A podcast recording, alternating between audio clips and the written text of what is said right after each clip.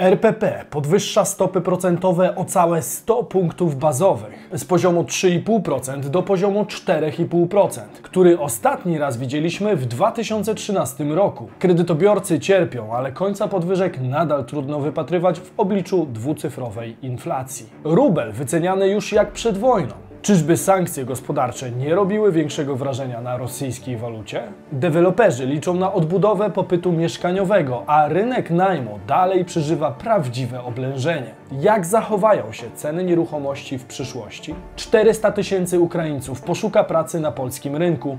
Dokąd zmierzał pieniądz w tym tygodniu? Sprawdźmy to.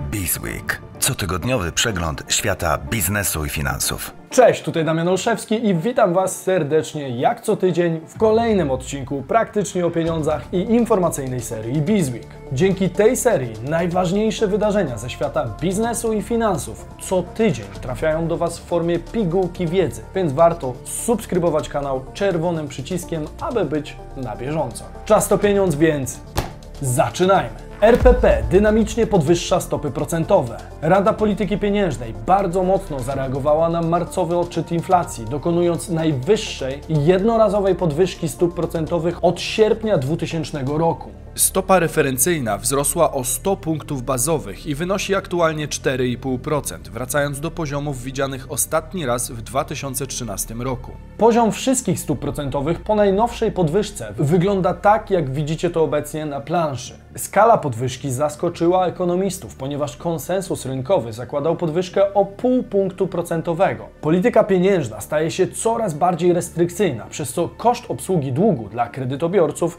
wzrośnie w stopniu niewidzianym wcześniej od dawna. Ponadto obecnie rynek kontraktów terminowych wycenia, że stopa referencyjna przekroczy w tym roku 6%. Oznaczać to będzie, że płatności odsetkowe gospodarstw domowych zwiększą się z około 0,5% do około 3% w relacji do dochodów. Byłoby to bardzo dużym wzrostem, niewidzianym wcześniej w Polsce, nawet w okresie gwałtownych podwyżek kosztu pieniądza na przełomie wieków. Goldman Sachs spodziewa się zacieśnienia polityki monetarnej NBP jeszcze o łącznie 125 punktów bazowych, co oznacza dojście głównej stopy do 5,75%.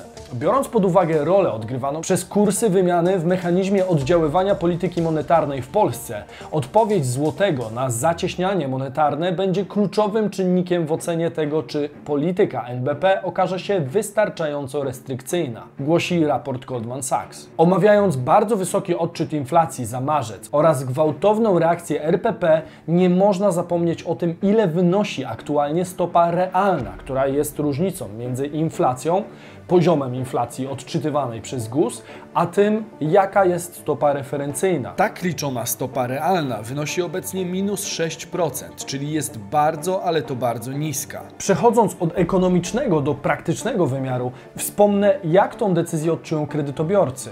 Główny ekonomista Expandera przygotował wyliczenia, o ile teraz wzrośnie rata kredytu dla osób, które podpisały umowę kredytową opartą o wskaźnik 6-miesięczny na początku października 2021. Przy założeniu, że kredyt został zaciągnięty na 25 lat przy marży 2,87 przy kwocie 200 tysięcy złotych, wzrost raty od października wyniesie w symulacji 587 zł. Przy kredycie w wysokości 300 tysięcy już 851 zł, z kolei przy 400 tysiącach złotych to wzrost raty o 1135 zł, a przy 500 tysiącach aż o 1419 zł. Tak natomiast przedstawiają się zmiany w przypadku kredytów opartych o WIBOR 3-miesięczny. Wzrost raty o ponad 1600 zł za przeciętną cenę mieszkania o metrażu około 43 metrów w Warszawie jest ogromny. Co najważniejsze, to zdecydowanie nie koniec podwyżek i dramatu kredytobiorców. Natomiast nie należy też zapominać, że mówimy o największych pechowcach w tej sytuacji, a nie o wszystkich kredytobiorcach. Dokładniej mówimy o osobach, które brały kredyt ze zmiennym oprocentowaniem w momencie, gdy stopy procentowe były na radykalnie niskim poziomie. Osobom, które brały kredyt w 2012 czy 2013, dopiero skończyła się tak zwana promocja, gdzie przez prawie dekadę płaciły one każdego miesiąca coraz mniej niż to, na co się umawiały. Pamiętajmy, że ten kij ma dwa końce i nie jest tak, że cała Polska brała kredyt w ciągu ostatnich dwóch lat. A jak na kwestię podwyżki zapatruje się prezes NBP Adam Glapiński? Uważa, że to czynniki geopolityczne podbiły CPI o 4-5 punktów procentowych, a bez nich inflacja byłaby na poziomie 6-7%. O ile czynniki geopolityczne podwyższyły inflację? Wczoraj obwieszczono szacunki jednego z banków komercyjnych. Trudno to dokładnie wyliczyć.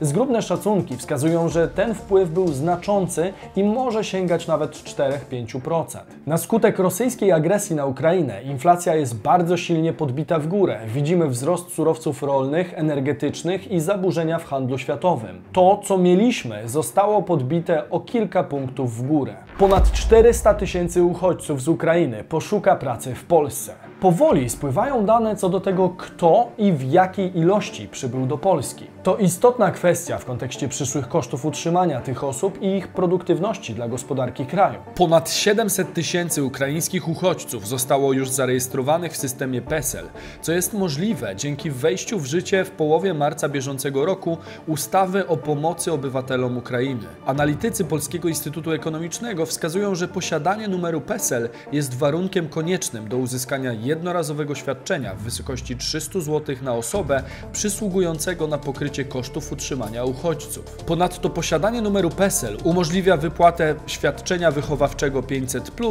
świadczenia Dobry Start, rodzinnego kapitału opiekuńczego oraz świadczeń rodzinnych i świadczeń z zakresu pomocy społecznej. Analitycy Polskiego Instytutu Ekonomicznego zwracają również uwagę, że blisko połowę tej grupy stanowią dzieci. Jest to około 330 tysięcy chłopców i dziewczynek. Osoby w wieku produkcyjnym, czyli między 18 a 64 rokiem życia, stanowią około 320 tysięcy, z czego zdecydowana większość, około 300 tysięcy, to kobiety. Z kolei najmniejszą grupą są seniorzy, czyli osoby w wieku poprodukcyjnym. Ich odsetek w systemie PESEL stanowi zaledwie 3%. Z analizy Polskiego Instytutu Ekonomicznego na podstawie struktury wiekowej można wnioskować, że maksymalna liczba uchodźców z Ukrainy, którzy mogliby szukać zatrudnienia w Polsce, wynosi około 400 do 420 tysięcy. Ta liczba jest dosyć niska w obliczu ponad 2 milionów uchodźców, którzy przekroczyli przecież granicę. Pamiętajmy jednak, że nie każda z tych osób w naszym kraju pozostała. Dla wielu był to jedynie przystanek przed dalszą podróżą. Na podstawie danych dotyczących poziomu aktywności zawodowej migrantów i uchodźców z Niemiec, wskaźnik aktywności zawodowej wśród świeżo przybyłych migrantów jest niższy niż średnia w populacji. Dla migrantów przybyłych z Syrii wynosił on 50%. Jeżeli wskaźnik aktywności zawodowej uchodźców przybyłych do Polski byłby podobny, oznaczałoby to, że maksymalnie 420 tysięcy osób mogłoby szukać zatrudnienia na polskim rynku pracy, prognozują analitycy. Nie można jednak przekładać obu sytuacji jeden do jednego. Z prostej przyczyny emigracja do krajów Europy Zachodniej była w większości spowodowana powodami ekonomicznymi, w tym m.in. wysokim socjalem w tych krajach. Zwykle byli to owszem ludzie fizycznie gotowi do pracy, ale niekoniecznie chcący ją podjąć. Ukraińcy uciekają przed wojną, ale z pewnością można powiedzieć, że dotychczasowi Ukraińcy mieszkający w Polsce charakteryzowali się pracowitością. Dla polskiej gospodarki najlepiej byłoby, jakby jak najwięcej uchodźców podjęło w Polsce pracę.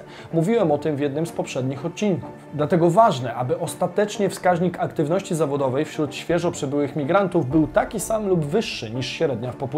Czy tak będzie? Dowiemy się z czasem. Deweloperzy liczą na odbudowę popytu na rynku nieruchomości. Podwyżki stóp procentowych, które są teraz gospodarczym tematem numer jeden w Polsce, wykluczyły część potencjalnych kredytobiorców z powodu rosnących wymagań dotyczących zdolności kredytowej oraz spowodowały wzrost odsetek od rat kredytowych. Oddziaływanie dynamicznych decyzji RPP widać już na rynku nieruchomości, głównie w zakresie coraz mniejszej ilości wniosków kredytowych. Ponadto z opublikowanych przez deweloperów informacji o sprzedaży w pierwszym kwartale 2022 wynika, że część z nich zanotowała gorsze wyniki niż w poprzednim kwartale czy w porównaniu z pierwszym kwartałem 2021. Dla przykładu Atal zakontraktował od stycznia do marca 754 lokale. Poprzednim kwartale było to 1039, 809, a w pierwszym kwartale 2021 842.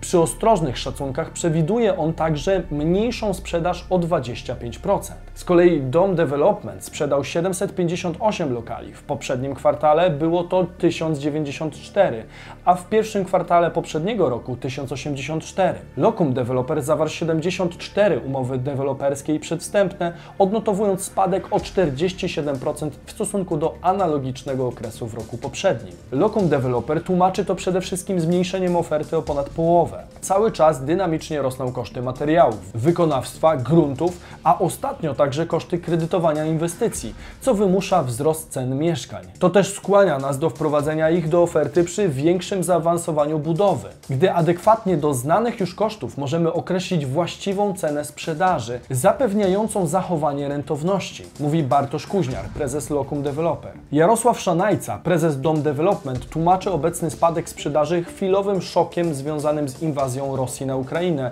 oraz tym, że cała uwaga Polaków po 24 lutego skupiła się właśnie na kwestiach pomocy uchodźcom, a nie na kupowaniu mieszkań. Natomiast co ważne, od połowy marca nastąpiło odbicie popytu na mieszkania. Przybycie do Polski ponad 2 milionów osób spowodowało skokowy wzrost popytu na mieszkania, widoczny przede wszystkim na rynku najmu oraz w czynszach powoli przekładając się także na rynek wtórny. W dłuższej perspektywie napływ tak dużej grupy ludności będzie silnym wsparciem popytu na mieszkania także na rynku pierwotnym, uważa Jarosław Szanajca. Ogromna liczba uchodźców w Polsce faktycznie może być motorem napędowym dla deweloperów. Wzrostem sprzedaży już może pochwalić się Murapol. W pierwszym kwartale grupa podpisała 764 umowy deweloperskie i przedwstępne. W poprzednim kwartale 533, a w pierwszym kwartale 2021 było to 779 takich umów. Jaka przyszłość rysuje się przed rynkiem nieruchomości?